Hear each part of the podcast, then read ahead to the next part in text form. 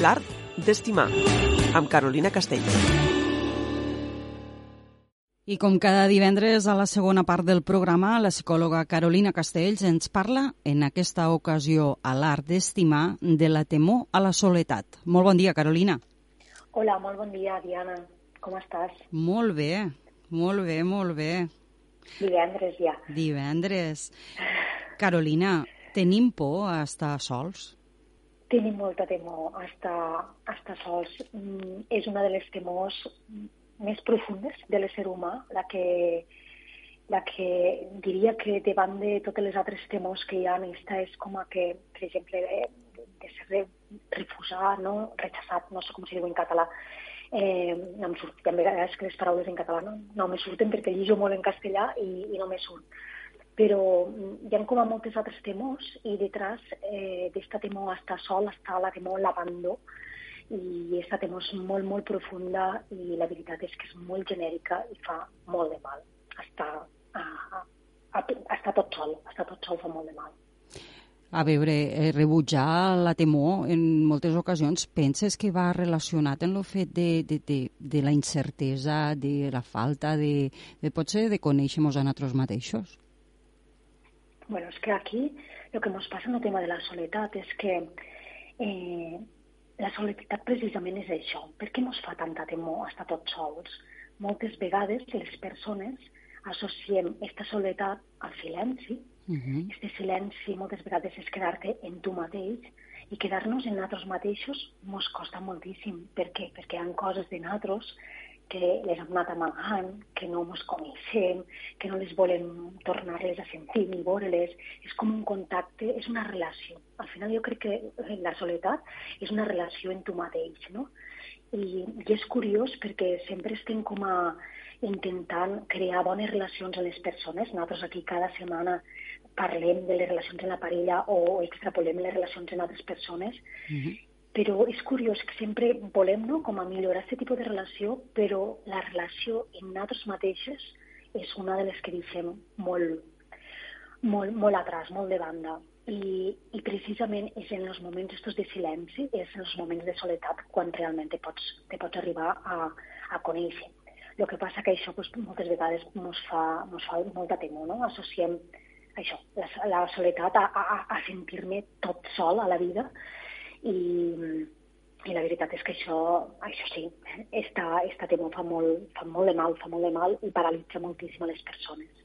Sí que és veritat que, vaja, és un pensament que, que, que es comenta moltíssim eh, i, i no m'atreveixo a dir generalitzat perquè no tothom pot ser fa aquesta reflexió, però coneixes a un mateix tant lo bo com lo dolent.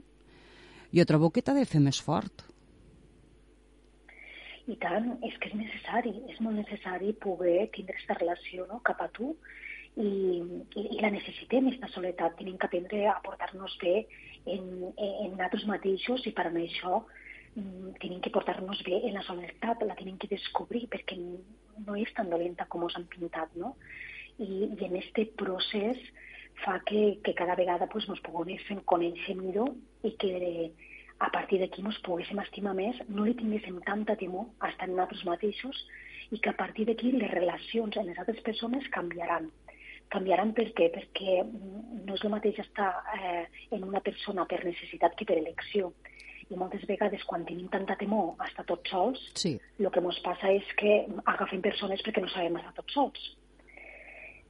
No? I llavors eh, tenim que tindre o plans, eh, amistats, ja no dic parella, eh, parella, però moltes coses, no? Inclús diria que hi ha persones que de vegades me comenten no, no, és que si jo vic tot sola i jo, jo sé estar tot sola, però, per exemple, quan arriben a casa mmm, tenen que engegar-se la televisió, o sempre estan en el mòbil, o sempre estan en plans. És a dir, saber estar tot sol en un mateix eh, va més enllà que l'espai físic. No? Perquè de vegades és com que vale, visc a casa tot sola, però, ostres, sempre necessito algo, no, no tinc este procés d'estar en mi, en silenci, de poder potser anar a passejar, quedar-me en silenci, en mi mateixa, no? o en mi mateix.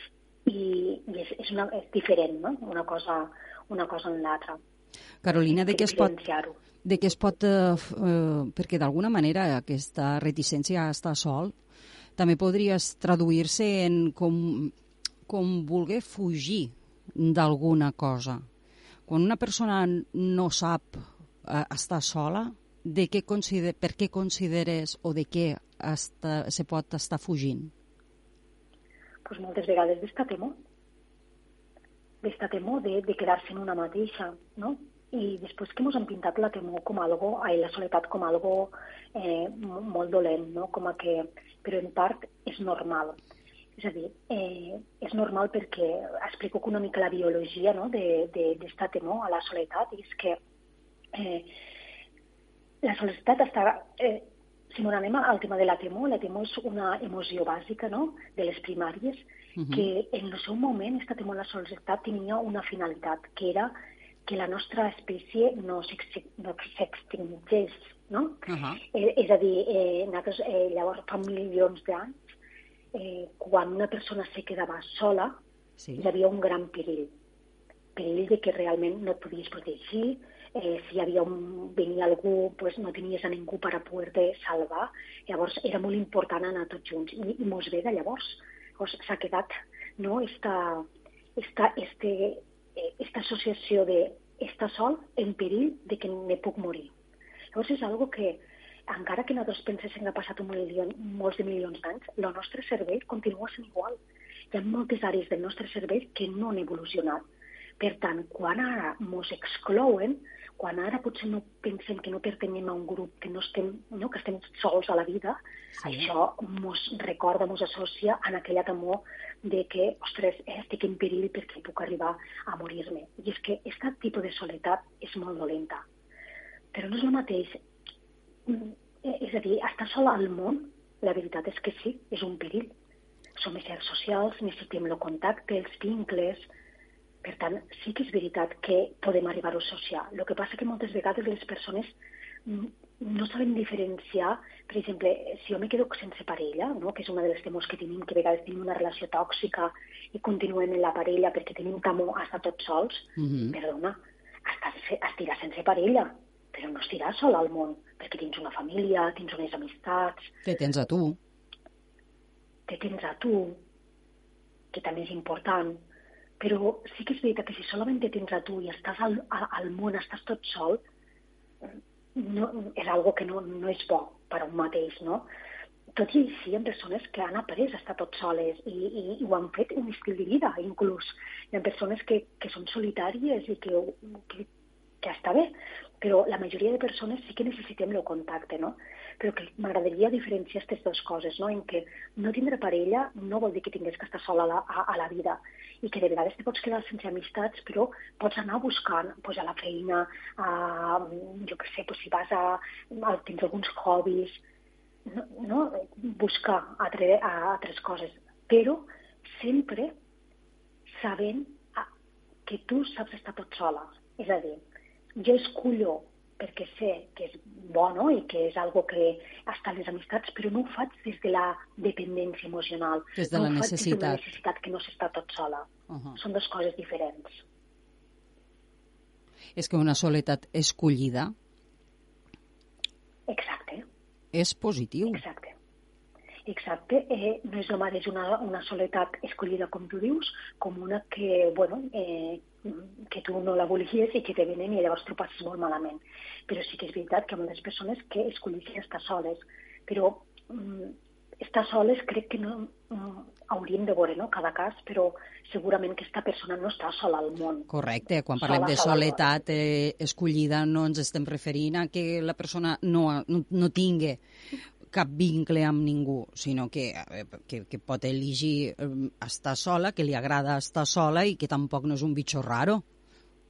Exacte. Està bé que ho poguéssim diferenciar perquè a vegades podríem dir, no, no, aquelles persones que tenen, no, pues que són molt tímides, introvertides, que hi ha una fòbia, que hi ha ostres, aquestes persones necessiten ajuda. Home, s'ho passen molt malament. Pues, no, i no és el mateix estar sol que sentir-se sol, perquè també eh, això és molt important. Uh mhm. -huh. Tu pots estar en parella i sentir-te sola. És més, hi ha moltes persones que estan en parella i se senten soles. O pots estar en amistats i sentir-te sol, sentir que no encaixes, que no és el teu... No? I esta, este sentir-se sol eh, és el que realment ens fa mal. No? Ostres, sento que no pertanyo, sento que, no sé, com un abandó, com... no? i tu pots estar potser sola i, i sentir-te eh, la mar de bé perquè estàs en tu mateixa, has après a estar en tu, a trobar-te, a buscar coses que t'agraden, a fer coses i ser la persona més rica i més plena de, de, de totes, no? Per tant, també cal diferenciar, no? Perquè a vegades estem en parella i, i això és una, això frustra, frustra molt perquè és com que tu penses que estàs en algú quan en realitat el sentiment que tens de soledat és increïble. I aquest sentiment de soledat és increïble perquè el vincle no s'estableix per una persona física que tingués al costat, sinó és que va molt més enllà, no? que li pugues contar les coses, que pugues, no sé, profunditzar realment, no? Eh, eh, no sé, què, què senties que és important per a aquella persona. I, clar, són dues coses diferents. Jo crec que la pitjor soledat mm -hmm. és aquella en la que estàs envoltada de persones i que no sentes que, que, que pertanys, no? que importes. I Carolina, molt dolenta. Com es treballa aquesta, aquesta soledat en teràpia? Aquesta soledat que, bé, que li donem connotació negativa, no? aquesta soledat no desitjada, no ben interpretada. Com, com la treballes eh, en teràpia des de la vessant professional? Bueno, la, la norma número 1 per a qualsevol cosa que ens fatim o qualsevol cosa que volguéssim treballar és afrontar-nos a la soledat. Mm -hmm seria el primer, el primer pas. En teràpia eh, seria fer tot un procés com a més gradual, no?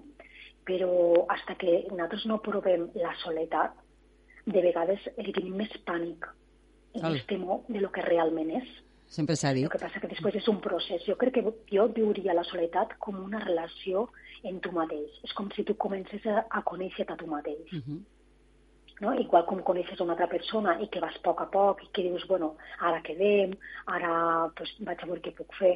És com si aquesta relació eh, fos, fos en tu, no? I, i anem a establir una relació amb mi mateixa. I per tant això necessito conèixer doncs pues vinga, vaig a veure resulta que, no sé, vaig a, a veure com jo estic sola pues, passejant per la mar o anant pel passeig. Pensa que hi ha persones que no són capaces eh, d'anar a comprar soles eh, roba o de tendes, que hi ha persones que pel passeig del riu que el tenim aquí al costat sí. no van soles, necessiten algú.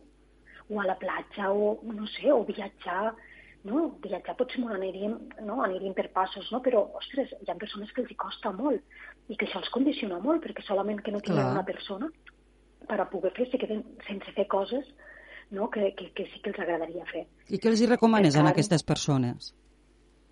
Pues que comencin a fer-ho. És a dir, primer que entenguin molt bé la soledat, que entenguin molt bé d'esta temor, no? Que, que la coneguin, d'on ve, que sàpiguen bueno, pues que és una cosa normal, no? que a les persones mos passa, que necessitem pues, pertànyer, sentir no? este sentiment.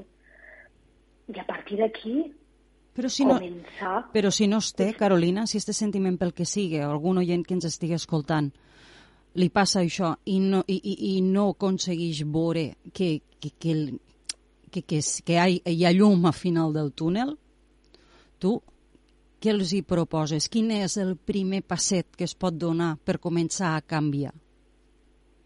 Pues començant a estar en moments sola o sol. Obligar-nos. Molt bé. Sí. I estar sol vull dir estar en, en, en silenci, aprendre a estar en un mateix, perquè és que si no, no, està, si no saps estar sol, és que no saps estar en tu mateix. Mm. I si no estàs en tu mateix, eh, és que no pots arribar ni a conèixer de veritat. Perquè és l'única forma de poder anar cap a dins i saber el que t'agrada, perquè si no sempre estàs en altres persones, mai saps, no en tu mateix. Per tant, jo el primer pas seria este, no? Eh, passar moments, no t'he dit una setmana tot sol, però comença pues, una tarda, vinga, vaig a provar una tarda d'estar sola a casa, per exemple, o sola a algun lloc, perquè de vegades costa molt potser anar a un bar o coses d'aquestes així, però comencem per sola a casa, apagar el meu mòbil, no? i comencem a fer així, en què vaig a trobar-me a mi mateixa, respiro, connecto, quines són les meves emocions, què és el que sento, escriure tot allò que sento, felicitar-te després per haver-ho, per veure què és el que has trobat, no? Eh, tindre aquesta curiositat de trobar-te en tu mateix. Jo començaria, començaria per aquí. Començaria per buscar espais d'estar en un hasta que t'enamoris de tu. hasta que t'enamoriguis de tu mateix. Crec que... Perquè al final, si no, sa, no, estàs sol, si no saps estar sol, és que no saps estar amb tu. I crec, això és un greu problema. Crec que has proposat tu una tècnica que, que per a començar està molt bé, que és escriure. Escriure com me sento, perquè d'alguna manera has d'estar sol per escriure, perquè i és una manera de, de, de, de la, a través de l'escriptura sentir-se acompanyat. Carolina, novament, eh, la secció ha arribat a la seva fi, se'ns ha tirat el temps a sobre, com sempre, com cada divendres. Com sempre, com cada divendres. Me tens que posar 15 minutets més. I t'he de posar un programa. Bueno, jo no, jo no, però t'han de posar un programa, t'han de posar un programa perquè això, això se'ns queda curt, se'ns queda curt, Se i clar, de divendres en divendres, doncs bueno, bueno, ja està bé, va. Així tenim més ganes a la pròxima. Sempre tenim ganes de la secció L'Art d'Estimar. Bueno, doncs ha sigut un plaer i continuarem segurament en algun altre moment parlant de la soledat perquè, perquè afecta moltíssimes persones i que, i que, que no és tan dolenta com us pensem i és molt més necessària del que mos podem arribar a imaginar. Així que, que vinga, que mos, us convido en aquests minutets de, de soledat en tu mateixa. I nosaltres allí que estem. Carolina, com sempre, un plaer que estigues amb nosaltres al recapte. Fins la setmana que ve. Adéu, que tingués molt bon cap de setmana.